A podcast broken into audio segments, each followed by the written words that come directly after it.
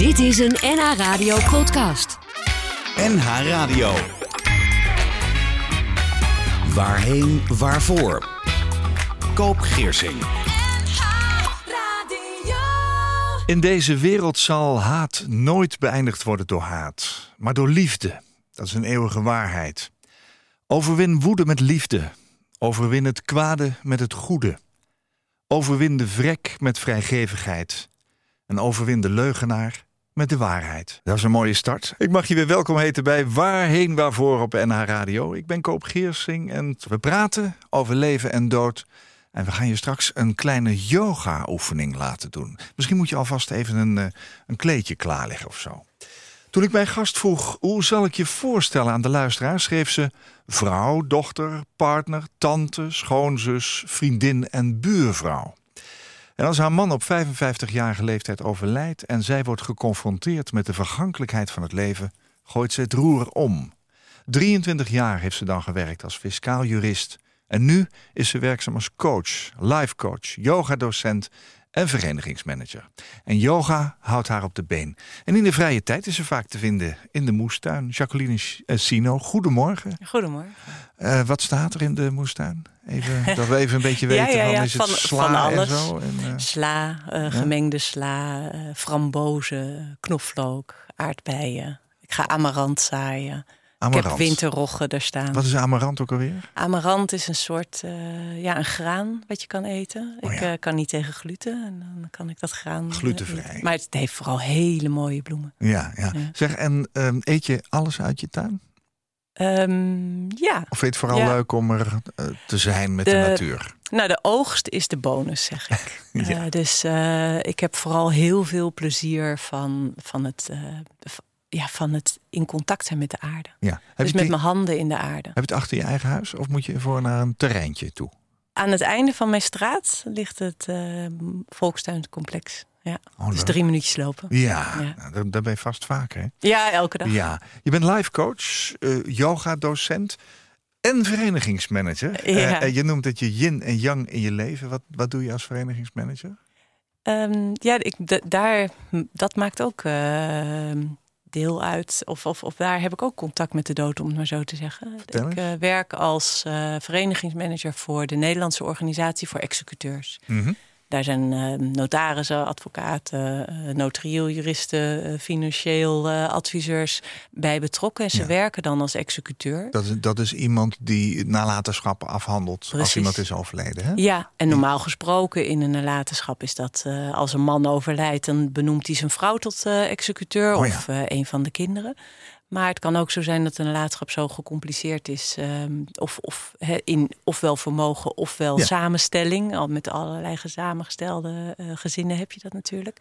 Dat je vraagt eh, om professionele hulp. Ja. En dat doen deze mensen. Ik kan jou dus altijd bellen, want ik ben uitvaartondernemer. Ja, je kan mij Als altijd ik, in de, ik heb gisteren de uitvaart mogen begeleiden van iemand die ook helemaal geen familie had. Ja, dat komt ook veel voor. Daar heb je natuurlijk ook eh, te Ja. maken met een wat andere vorm van nalatenschap. Eh, tenminste, hoe dat verdeeld moet worden dan als je in, in een familiesituatie zit. Hè? Ja, dat klopt. En bij onze vereniging zijn ook goede doelen. eh, mensen die bij Oh, goede ja. doelen werken zijn Ja. lid. Ja. En ehm, ja, dus daar, daar in zo'n situatie gaat vaak geld naar goede doelen. Ja. Ja. Dat wordt niet het onderwerp vandaag. Nee, maar het is dat wel wordt fijn niet om even het te onderwerp. horen. Nee, nee, nee. Jouw oma overleed nog voor jouw geboorte aan een hartaanval op de fiets. Ja. Eh, jouw moeder kon eigenlijk nooit praten over dat verlies van haar moeder. Dus jij bent opgegroeid met een moeder die daar, die daar eigenlijk bijna niks over vertelde, heb ik begrepen. Ja. Jouw man Martin, die overlijdt op dezelfde wijze als je oma. Op de fiets, aan zijn hart. Eh, al jouw ankers zijn dan weggeslagen. Je wordt teruggeworpen op jezelf. En je vraagt jezelf af, wie ben ik? Wat wil ik? En waar word ik gelukkig van? Nou, inmiddels organiseer je online weekendretretes voor mensen met een verlieservaring. En uit een verlangen met anderen te delen wat in jouw eigen rouwproces, zeg maar, eh, is gebeurd en wat je ervan hebt geleerd, doe je dat? Wat heb jij geleerd van je eigen rouwproces? Of is dat een hele grote vraag? Ja, dat is een hele grote vraag. Maar samen. ik eh, maak hem eh, wat kleiner. Ehm, wat ik geleerd heb van mijn rouwproces is eh, vooral heel dicht bij mezelf te blijven. Ja, En ja, steeds dichter bij mezelf te komen. En, eh, dat je, En door de, door de, omdat ik afstand heb genomen ook van, van. Ik ben gestopt met werken vrij snel nadat mijn man overleed. Dus ik heb mezelf echt uh, bijna twee jaar vrijgegeven. Je had een hele goede baan. Je was partner Ja. op een kantoor. Ja. En je hebt ze zomaar verteld: ja, ik wil eigenlijk stoppen. Ja, ja dat kwam echt eh, van, van binnenuit. Ik wist ook, eh, ik had het niet voorbereid. Ik was Nee. een weekje naar Mallorca gegaan in mijn eentje, dat, eh, naar mijn yogadocenten. Daar om tot rust te komen. Ik stond elke dag op met hoofdpijn. Mijn lijf schreeuwde aan alle kanten. Ja. De diepe rouw eruit. En ik kwam op zondagavond terug en op maandagavond zat ik met de twee vennoten en we maken de agenda op. En ik zei, kunnen we het ook even hebben over mijn positie in de maatschappij? En mijn, eh, de founder van het bedrijf, eh, met wie ik al, ja, de oprichter met wie ik al twintig jaar samenwerkte, die Ja. zei: Ja hoor, op 14 maart, je kan op 1 april stoppen. Zo. En ik dacht, oeh. En er werd tegengestribbeld door de andere partner. Ik denk, ik hou even mijn mond, want volgens mij komt mij dit heel goed uit. Ze lieten je gaan. Ze lieten me gaan. Ja, dus dat heeft zo moeten zijn. Ja. Je, je zegt, ehm, ik heb vooral geleerd heel dicht bij mezelf te komen. Ja. Ik, ik hoop eh, de luisteraar straks even mee te nemen in hoe je zoiets hebt aangepakt of kunt doen. Jij geeft de weekendretretes. Je hebt onlangs weer eentje gegeven. Die noem je ten volle leven met gemis. Met andere woorden, je hebt eh, verlies geleden. Eh, je zit in rouw of je hebt nog eh, enorm verdriet. En toch ga je mensen daarbij zeg maar, bewust maken van het feit dat het leven ook ten volle geleefd kan worden. En wat, wat moet ik me voorstellen bij zo'n retret? Want ik heb begrepen dat je het ook online doet, hè? Ik heb het, ehm, in, de, in, de diepste, in diepste tijdstip van corona heb ik eh, getracht om het online te doen. Ja. Eh, dus dat, eh, dat is terecht dat je dat zo zegt. Alleen er kwam één iemand die geïnteresseerd was. En vervolgens. eh, Dat maakt niet uit. Nee, Nee. precies. ehm, maar dat, dat online is dus eigenlijk voor dit onderwerp niet nee, geschikt. je moet bij elkaar komen. je moet samenkomen. Ja, ja. Wat doe je precies? Eh, ik gebruik eh, beweging, ik gebruik Ah, ja. het lichaam Ja. eh, via yoga en via qigong en via meditatie om de mens diep naar binnen te brengen. ja. Lukt dat bij iedereen? Nou, dat is een uitdaging, Ja. Want niet iedereen is gewend om zo naar binnen te komen. En niet iedereen is gewend om te luisteren naar zijn lichaam. Je moet dat dus ook leren. En je moet ervoor openstaan. Ja, en dat is ook de reden waarom ik werk met eh, eh, liefdesenergie, noem ik dat dan. Eh, ik heb een opleiding gevolgd bij Piet Wijsveld. ehm, en de liefdesenergie eh, geeft eh, lichaamsgerichte, ervaringsgerichte Ja. oefeningen. Ja. Dus dat is, wat, eh, dat is wat directer, om het maar zo te zeggen, dan yoga. Yoga en qigong is een zachte manier om dat lichaam in te gaan. Ja. Terwijl dit soort ehm, oefeningen ehm, schudden je een beetje wakker. Kom je wat sneller zeg maar, tot de kern. Ja. Hè, als je iemand laat schrikken en die staat stijf van schrik op zijn benen, dan heeft hij direct contact met zijn lijf en met die angst die op dat Oh ja. moment opkomt. En, en dat is een voorbeeld, om het maar zo te zeggen, van eh, werken met liefdesenergie. Dus in contact, van hart tot hart, maar wel lichaamsgericht een ervaring aanbieden, waardoor iemand zich bewust wordt van, aha, Oh ja. dit is een emotie die ik, eh, die ik kan ervaren. Ja. Dit is wat mijn lichaam me vertelt. Oké, we gaan er een heel klein stukje straks eh, van doen, Ja. hoop ik. Eh, ik hoop dat we aan het eind van deze aflevering ook gevoel hebben voor wat je nu uitlegt, hè, maar wat je nog moet toelichten straks. Ja. We gaan praten over jouw verlieservaring. Jacqueline Sino is mijn gast in Waarheen Waarvoor. Op jonge leeftijd maakte zij kennis met yoga, maar na het overlijden van haar man ervaart zij de werkelijke kracht ervan. Yoga helpt haar het verlies te dragen en uiteindelijk te integreren in haar leven. En dat doet ze door haar lichaam in beweging te brengen, maar vooral ook door de kracht van meditatie. Zodat ze snel doorziet wanneer haar gedachten haar terugvoeren naar herinneringen uit het verleden of juist meenemen naar zorgen over de toekomst. Yoga brengt haar in het hier en nu. Straks in deze uitzending doen we hier samen een korte yoga-oefening. En die kunt u meedoen. Jacqueline, het overlijden van jouw oma veroorzaakt een groot trauma in het gezin van je moeder. Jouw familieleden kunnen eigenlijk niet over je oma spreken. En als je ehm, oma, ja, die, die is eh, overleden zo'n zes weken voordat jij geboren werd. En jouw moeder was er eentje uit een groot gezin met alleen maar jongens die ouder waren dan haar. Hoe kwam jij erachter in je jeugd dat er sprake was van iets waar niet over gepraat werd, van een trauma misschien wel? Zo, dat is een moeilijke vraag. Ehm, Nou, voelde je iets? Dat, dat... Stelde je zelf vragen over een oma die er niet meer was, bijvoorbeeld? nee, ik denk niet dat ik. eh, Of bestond ze niet? Ze was er niet, dus Nee. het was een gegeven. Oh ja. En, ehm, mijn ouders zijn ook nog eens een keertje gescheiden toen ik vrij jong was. Dus eh, dat, wat dat betreft, dat heeft ook een grote impact gehad op mij. Hoe oud was je toen? Ik was eh, acht jaar. Oh ja. Ja. En eh, ja, dus dat die oma er niet was en dat mijn moeder daar niet over sprak. Ik denk dat me dat, dat ik veel ouder was voordat ik bedacht dat dat een beetje gek was. Waarschijnlijk. Met eh, terugwerkende kracht realiseerde je ja. dat ze er nooit over sprak. Ja. Maar er kwam een moment dat het wel gebeurde. Ja, mijn moeder, eh, toen mijn moeder de leeftijd van haar moeder kreeg, 56. 56. Toen, ik herinner me dat eh, haar scherp, ze, eh, mijn moeder werkte als pedicure, logeerde dan bij mij eh, vaak, omdat het Gooi de regio was waar zij had gewoond toen ze haar praktijk had opgezet. Dus die klantjes, die bedient ze nu nog steeds. Ze, is, Oh ja? ze gaat deze zomer stoppen. Oké. Ja, dus tot de 74, 75 is ze dan. Dus Ja. geweldig. heeft ze het 40 jaar gedaan. Maar goed, ehm, ze stond bij mij ze, en dan deed ze de strijk, omdat ik zo hard moest werken. Ah, Super ja, lief. Ja. En ineens begon ze over de moeder. En ik denk, wat gebeurt hier? Ja? Als mijn moeder 56 was, was ik 37. Nee, eh, 35.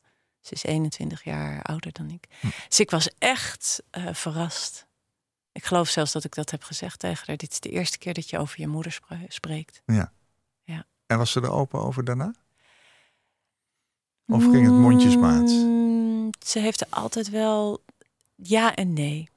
Ja, Ze komt uit een generatie waarbij daar ook niet over gesproken werd waarschijnlijk. Hè? precies. Ja. Ja, en ehm, nog steeds als haar, ehm, ze heeft eh, met enkele van haar broers ehm, op in het ziekbed, want een aantal van haar broers zijn al overleden, Ja. eh, bij tijdens het ziekbed wel geprobeerd om dan over moeder te praten. Ja. En dat vinden de jongens heel ingewikkeld. Ja.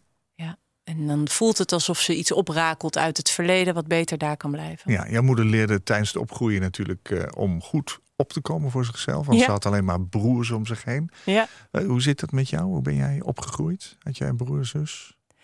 Ehm, ja, ik heb, een, ik heb een broer die drie jaar jonger is. Jonger. En, eh, ja, Dat en scheelt. vervolgens eh, met een scheiding hebben, kom je met een samengesteld gezin. Dus ik heb ook nog een zus die anderhalf jaar jonger is. Nog een broer die vijf jaar jonger is. Ja. En een broertje die dertien jaar jonger is. En dat Ja. is eh, mijn, mijn appeloogjes, zeg maar. Ja. Is dat zo? Ja. Ja. Eh, eh, eh, Jij kwam er op enig moment achter hoe ingrijpend het is als je een dierbare verliest. En wat een groot trauma het is als niemand in de familie erover kan praten. Zij had dus Ja. alleen maar broers, die uiten hun verdriet anders. Maar jouw man Martin overlijdt op dezelfde wijze als jouw oma. Wat gebeurde er? Hij, Martin- ging even, hij ging even fietsen. Ehm, ja, we waren lid van een fietsclub en ehm, hij ehm, op, op, op Sinterklaasavond zegt hij: eh, Ik doe mee met groep 1. En het bijzondere is dat ik toen zei: Joh, zou je dat nou wel doen? Want je gaat je doodfietsen. Huh? Had Ja. je dat alles gezegd? Nee, nog nooit. Nee, eh, sterker nog, ik bemoeide me helemaal niet met welke groep hij ging fietsen. Nee. Het was heel bijzonder. En de dag daarna vertrekt hij. Ik zwaai hem uit. Ik had besloten, ik ga niet fietsen. Een half uur later besluit ik, ik ga toch fietsen. En ehm, ik zwaai hem uit. Ik ga zelf fietsen. En ik kom terug in het eh, clubhuis. De Café Moek Spijkstra in Laricum. Oh ja, Dus eh, het ja. clubhuis. En eh, zijn groep komt binnen. En Martin komt niet mee. Dus ik vraag, waar is Martin? En er worden nog flauwe grapjes gemaakt. Maar hij komt niet binnen. Dus ik, ik sms van Martin, waar ben je? Hij reageert niet. Dus eh, na vijf minuten zeg ik, jongens, dit is een beetje gek. Misschien denkt hij dat ik er niet, dat ik thuis ben. Misschien is die, eh, want ik had niet gezegd dat ik ging fietsen en ik had het al wel gedaan. Dus ik ga naar huis, maar ik wist al, het zit fout. Ik wist gewoon, het zit fout. Dus ik fiets naar huis samen met de jongen. Ik zei, nou. En ik eh, doe de deur open. Hij is uiteraard niet thuis. Dus ik doe die zweterige kleding uit. Ik doe iets anders aan. Ik spring in de auto en ik ga op weg om hem te zoeken. En ik ben me bewust dat ik eh, op zoek ben naar een lichaam langs de weg. En de paniek slaat, eh, als ik ter hoogte van het ziekenhuis ben, slaat de paniek eh, eh, toe. Ik voel dat zo reizen in mijn lichaam. En ik denk, oh nee, wacht even. Hij is nog niet dood, althans je weet het nog niet. Rustig aan, adem naar je buik. Je zit in de auto, dus je hebt nu geen tijd om in paniek te raken. En ik sla rechts af en uh, vind hem dus niet, want 100 meter, ik had rechtdoor moeten rijden en 100 meter verder lag hij in een voortuin. Hij was er wel. Ja. ja. Was hij toen overleden al? Uh, ja, de jongen die hem heeft gevonden, die, uh, de, zus, de broer is van mijn mondhygiëniste.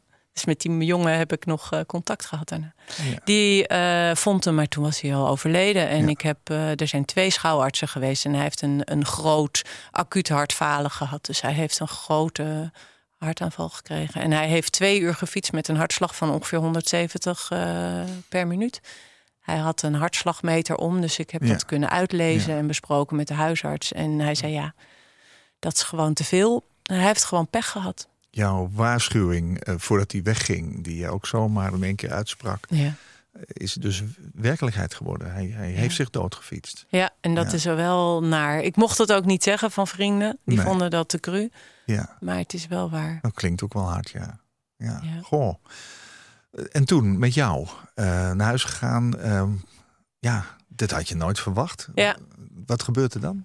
Nou ja, de, ja, de politie eh, belt aan. Ja. En uh, ik doe open en ik zeg, ja, ik weet het al. Ja. Hij is dood, hè. En dan zet ik op de appgroep van de fietsclub dat Martin is overleden. En binnen no time stroomt het huis vol. Ik bel drie, vier mensen. En uh, dan word je een beetje geleefd. Iedereen komt naar je toe. Ja. En uh, ja, dan, dan, dan kom je in een rollercoaster die dan eindigt. Uh, op het eerste moment, het eerste stationnetje eindigt, is de uitvaart. Ja. ja. Want die, dit, op zondag overlijdt hij. En op vrijdagmiddag kunnen we dan terecht bij Driehuis. Oh ja, Westerveld. Westerveld, ja. waar ook we afscheid hadden genomen van uh, zijn moeder en daarvoor ook ja. hij van zijn vader. In de duinen? Uh, ja, in de ja. duinen. Ja. Waar hij ook was opgegroeid. Dus. Um, dat vloog voorbij. Dat vloog voorbij. Uh, Jacqueline, jij, jij was al bezig met yoga, hè? Ja. Wat heeft yoga toen voor jou betekend? Um, ik kon niet slapen, want de adrenaline pompte door mijn ja. lichaam. En elke nacht uh, zat ik naast Martins kist, uh, want ik had hem thuis uh, gebracht en ging mediteren. Ja. Dus um, vaak met een geleide meditatie, omdat ja. ik niet in de stilte nog wilde zijn. Want nee. dat was te veel, omdat je gedachten zo uh, heen en weer gaan. Maar ja. dan luisterde ik naar de stem van uh, Tara Brach of Jack Cornfield en ja. grote boeddhistische Amerikaanse leraren. Ja. En dan, uh, ja, dan was ik een uur of twee in mijn yogakamertje naast de kist van Martin aan het mediteren. Ja, hielp dat? Ja, enorm. Ja, dat je in het hier en nu blijft. Ja, dat helpt enorm. Ja. ja.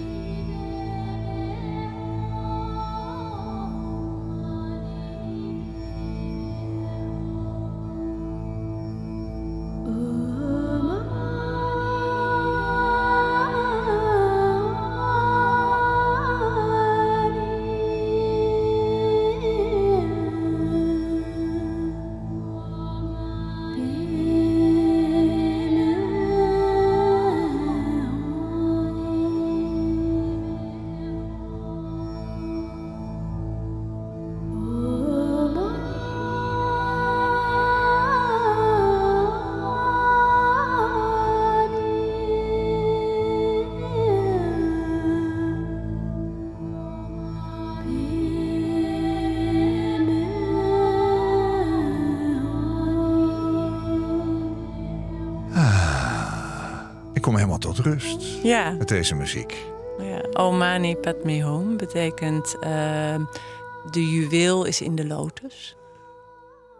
Dus, ehm, Jij hebt het uitgekozen omdat ik je gevraagd heb drie liedjes mee te nemen. Ik had wel verwacht dat je een, een dergelijke sfeer zou meenemen. Er komen nog twee liedjes. En eh, nou, ik zeg tegen de luisteraar, wacht het maar eventjes af. Ja. Eh, ja, Jacqueline Sino is mijn gast vandaag.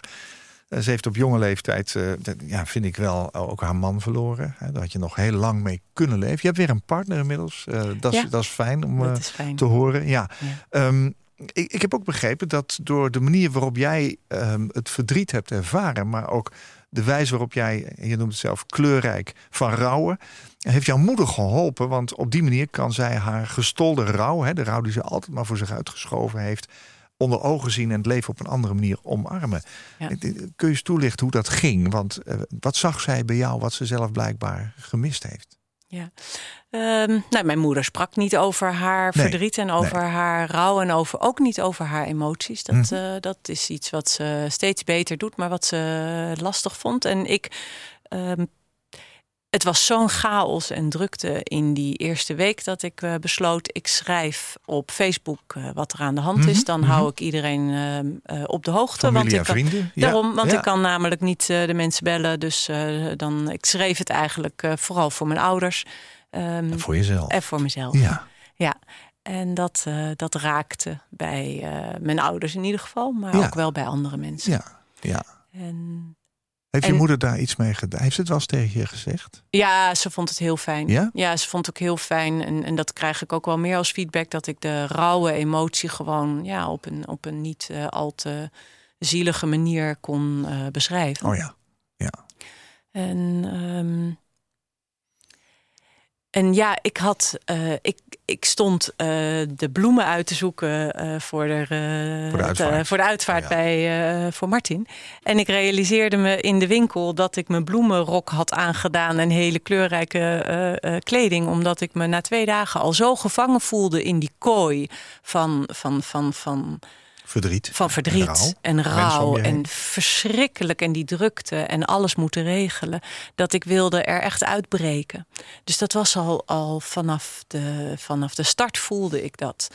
Ehm, ja, en ik ben eh, eh, nadat ik ben gestopt met eh, werken, ben ik veel gaan reizen. Ja. Ik heb eh, mijn yoga-opleidingen afgerond, maar ik ben heel veel weggegaan. Dus ik Ja. heb heel erg mijn hart gevolgd. Was dat een vlucht? Ook? Nee, dat zou ik. Nee? Nee? nee, ik kreeg de mogelijkheid om drie maanden een yogastudio te bemannen in Bonaire. Oh ja. En toen heb ik mijn huis voor, voor bijna een half jaar verhuurd. En ben ik eerst gaan reizen en vervolgens eh, gaan, eh, op Bonaire eh, geland. En daar kwam ik tot, eh, de, ja, tot, tot de diepste eh, put van mijn rouw. En je neemt jezelf mee, hè? dus je kan niet vluchten. Nee. Yoga, heb je al, eh, eh, dat heb ik al verteld, houd je in die tijd op de been. Ja. Op jonge leeftijd maak je er kennis mee. Na het overlijden van Martin ervaar je de werkelijke kracht van je yoga-ervaring. Dat, Ja. dat is eigenlijk wat er gebeurt. Je zegt, oh, yoga helpt met verlies te dragen en uiteindelijk te integreren in mijn leven. Hoe eh, is dat dan gebeurd? Want eh, wat heb je daar uitgehaald? Het contact met jezelf echt? Of de stilte ook wel? Ja, ik denk vooral de, de stilte waarin je eh, ziet welke emoties langskomen. Ja. Waarin je ziet welke gedachten langskomen. Dat je Ja. bewust bent op dat die emoties aanwezig zijn. Dat je bewust bent Oh ja. op dat die gedachten er zijn. En dat bewustzijn maakt dat je ehm, er op een andere manier mee kan omgaan. Mhm. Dus in plaats van volledig overweldigd te worden door de emoties of gegijzeld te worden door de emoties. Gegijzeld, ja, dat is een goed woord. Ja. je kan niet meer anders. Ja, is het zo dat je op een gegeven moment ook je bewust kan worden van zo. Dus dit is het verdriet. Net toen ik jou de eerste eh, uren vertelde na het eh, van, van Martin dat ik Ja. eh, eh, dat hij overleed, voelde ik weer opkomen van poeh, wat een, wat een Ja. heftig verhaal eigenlijk. En dan voel ik dat de emotie omhoog komt. Mm, En dan weet ik ook van, oh, daar is die emotie. Mag dat? En dat mag. Ja. En dan adem ik. En dan voel ik van, oh kijk, nu gaat hij weg. Oh ja. Mijn uh, yogadocente Sarah Powers zei... als je een emotie onbelemmerd door het systeem kan laten gaan... Ja. dan uh, komt die op, bereikt hij een piek en neemt hij weer af. En dat duurt 90 seconden. Oké. ja. Maar ja, omdat we de emotie ofwel vasthouden... ofwel wegduwen... Ja. Um, of misschien links laten liggen... onge zogenaamd ongeïnteresseerd zijn kan het zo zijn dat die emotie zich vastzet in je lichaam. En dus veel, dat je hem veel langer meedraagt. Ja, ja. We moeten het in de praktijk gaan brengen nu. Ja. Want uh, ik heb je gevraagd, is het mogelijk om even iets van een paar minuten te doen... zodat ook de luisteraar en ik uh, en Arthur de technicus het gevoel krijgen van... um, waar heb je het over? Want ik heb Ja. geen ervaring met yoga. Mhm. Uh, mijn zusje wel, dus ik, ik weet erover, zullen we maar zeggen... maar niet uh, persoonlijk. Ja. Is dat mogelijk? Zeker. Wat moeten we doen om in een goede Ja. situatie te komen? Ik heb een muziekje. Nou, ga maar even ontspannen zitten. En begin dan met contact te maken met je zitpotten. Dat je werkelijk voelt dat je zit op je stoel. Dat je contact maakt via je stoel met de aarde. En van daaruit strek je je wervelkolom op de kruingaat richting de hemel. En je zet jezelf als het ware als een, als een energiekanaal tussen aarde en hemel. Plaats dan je handen op het gebied van je hart, op je hartstreek. En je sluit je ogen. En voel de adem rijzen en dalen onder je hart, onder je handen.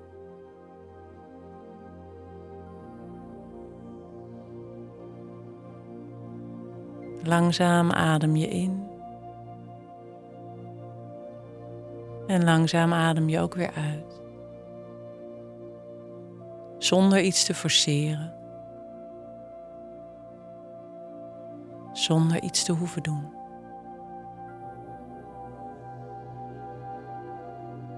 Simpelweg contact maken met jezelf.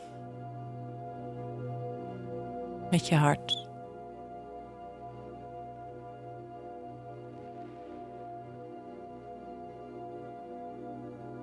Misschien kun je ook wel je eigen licht visualiseren.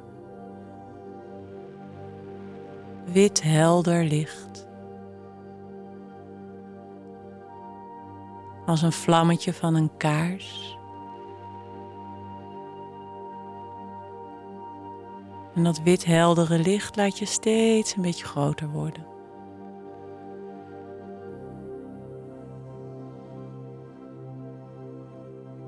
Helder wit, zilverwit licht. Als het licht van de maan. Laat het wat groter schijnen.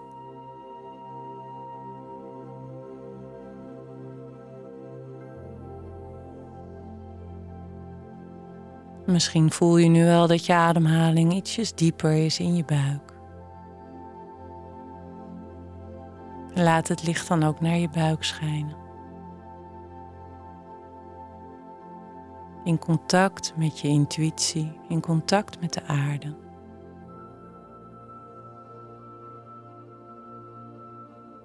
Dan kun je het licht misschien ook richting je hoofd brengen, richting je kruin, richting de hemel. Open dan weer langzaam je ogen. Laat de wereld om je heen weer binnenkomen.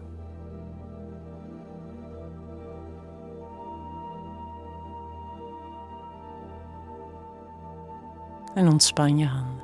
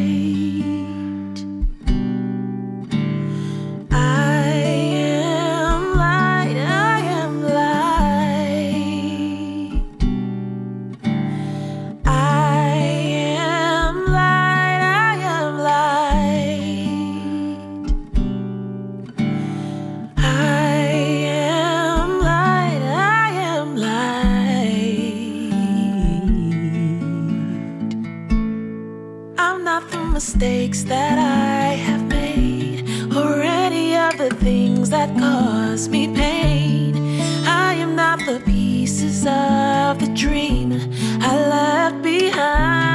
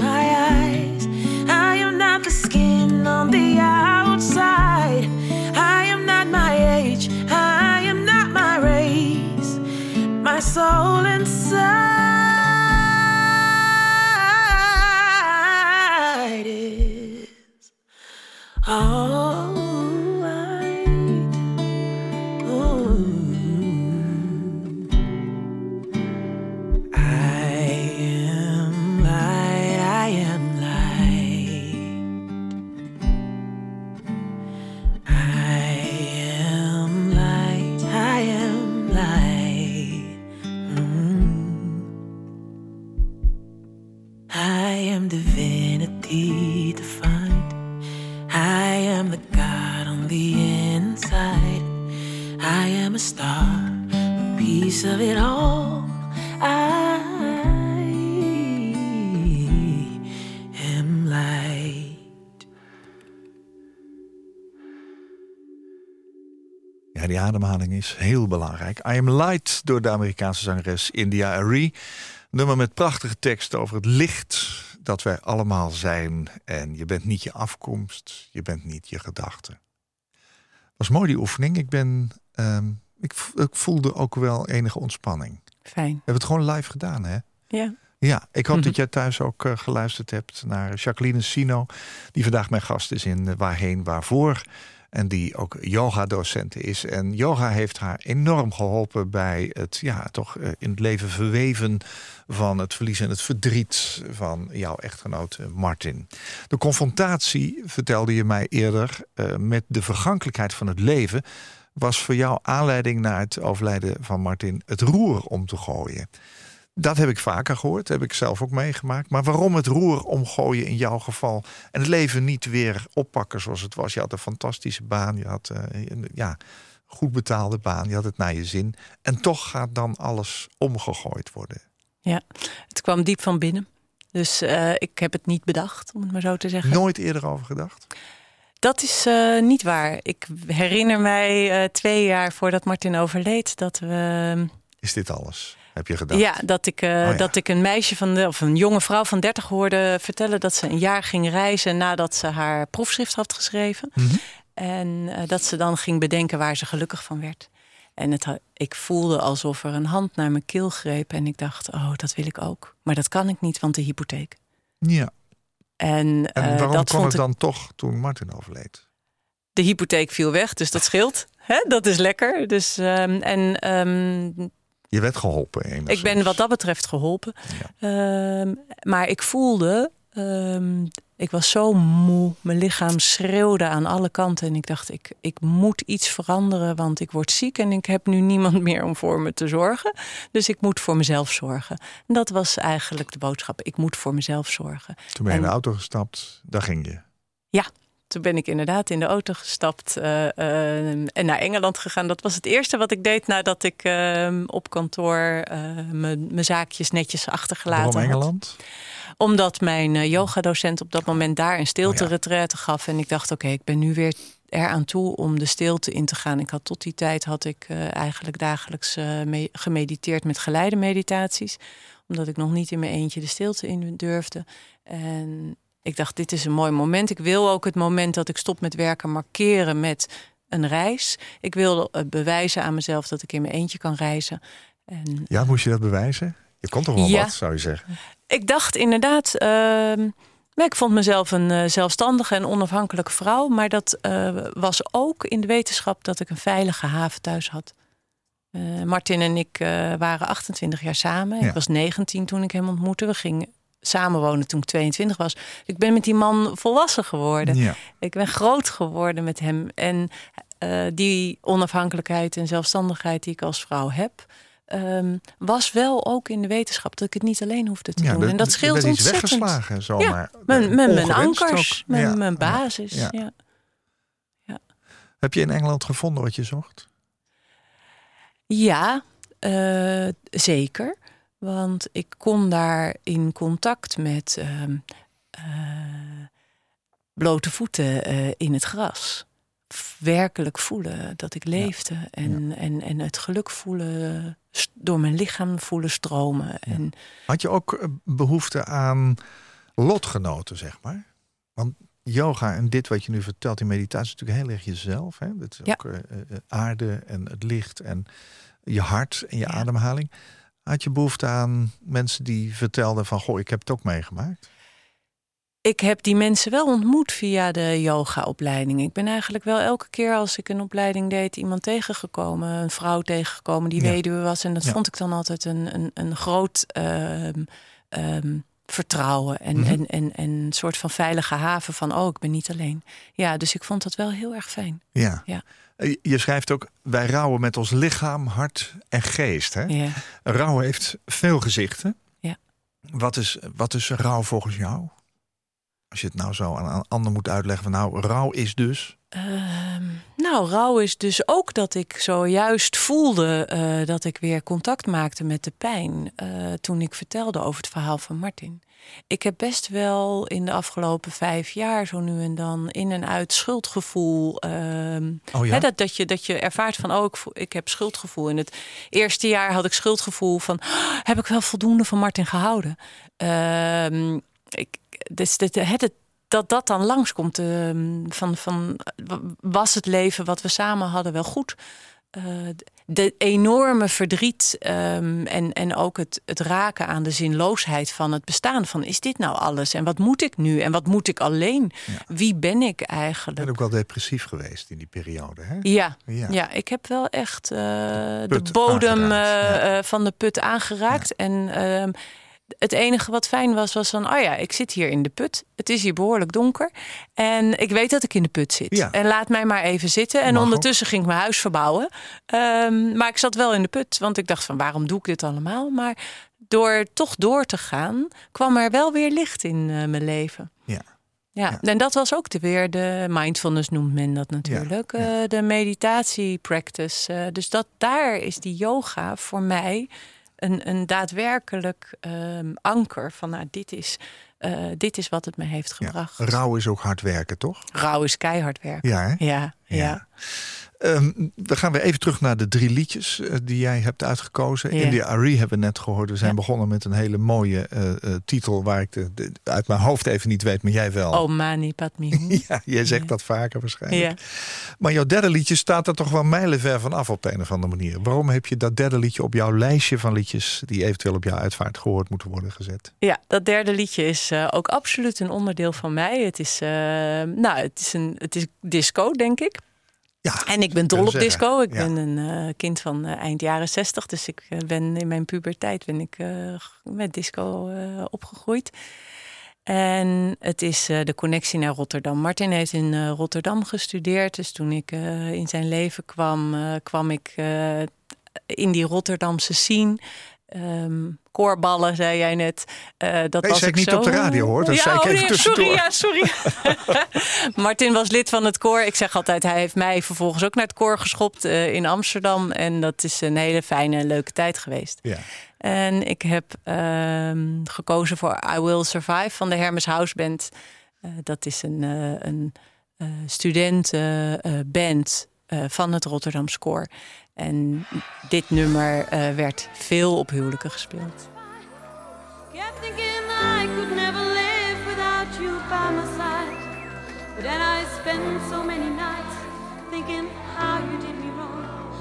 I grew strong.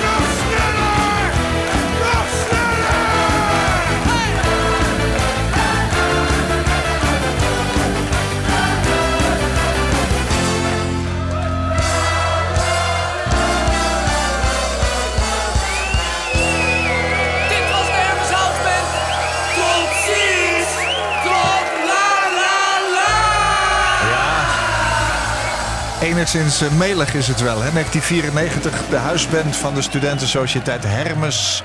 Van het Rotterdams Studentenkorps, Hermes Houseband. Wordt helemaal bekend met de cover van de hit I Will Survive van Gloria Gaynor. Ja. Ja, een leuke afsluiting van ja, een verhaal met veel hoop en eh, ook verdriet. En het is ook tijdens deze eh, aflevering weer teruggekomen. Dat vind ik ook wel mooi. Ehm, Jacqueline, wanneer geef je weer een weekendretraite ten volle leven met gemis? Ik heb nu een weekendretraite staan, ge- eh, staat gepland in december. Dus, eh, Dat is nog eind weg, zeg. Ja, is nog een eindweg. Ja, Wil je dit niet iedere weekend doen? Ieder weekend doen zou voor mij te veel zijn. Ja? Want eh, ik geef eh, aan mijn aanwezigheid bij de mensen eh, in hun proces. En ik merk dat ik eh, na zo'n weekend zelf ook wel één, twee dagen nodig heb om dat wat ik heb gevoeld bij de mensen, om dat weer los te laten. Ja. Vandaar die aarde, Ja. vandaar die moestuin. Ehm, een paar keer per jaar zou ik het wel willen doen. Ja. December zeker. staat hij weer. hè? December staat hij weer. Hey, heb je af en toe nog verdriet? Ja, zeker. Ja, dat eh, komt af en toe langs, Ja. maar nu met een glimlach. Ja. en dankbaarheid. Ben je gelukkig? Heel gelukkig. Ja. ja. Zo straal je het ook uit. Ehm, het- lijkt aan de buitenkant soms dat sommige mensen hun rouw en verdriet heel erg onder controle hebben. Je hoeft het niet weg te duwen, toch? Nee, zeker niet. Nee, Nee. liever niet. Nee, ik denk dat je het, eh, als je je rouw omarmt, eh, dan kun je ook ten volle leven met gemis. Ik denk dat, dat, het, dat het daarom gaat. Dat het er volledig aanwezig mag zijn. En, en, en, en dat je je realiseert dat je leeft. En dat, het, dat je hier nu op deze aarde bent. En dat jij hier nu iets te doen hebt. Want anders zou je hier niet meer zijn. En er wat van maken, hè? En er wat van maken. Ja. ja. Mijn gast in deze aflevering van Waarheen Waarvoor was Jacqueline Sino. Als haar man Martin op 55-jarige leeftijd overlijdt en zij wordt geconfronteerd met de vergankelijkheid van het leven, gooit zij het roer om. 23 jaar heeft ze dan gewerkt als fiscaal jurist. Jacqueline neemt afscheid van de drie belangrijkste pijlers in het leven.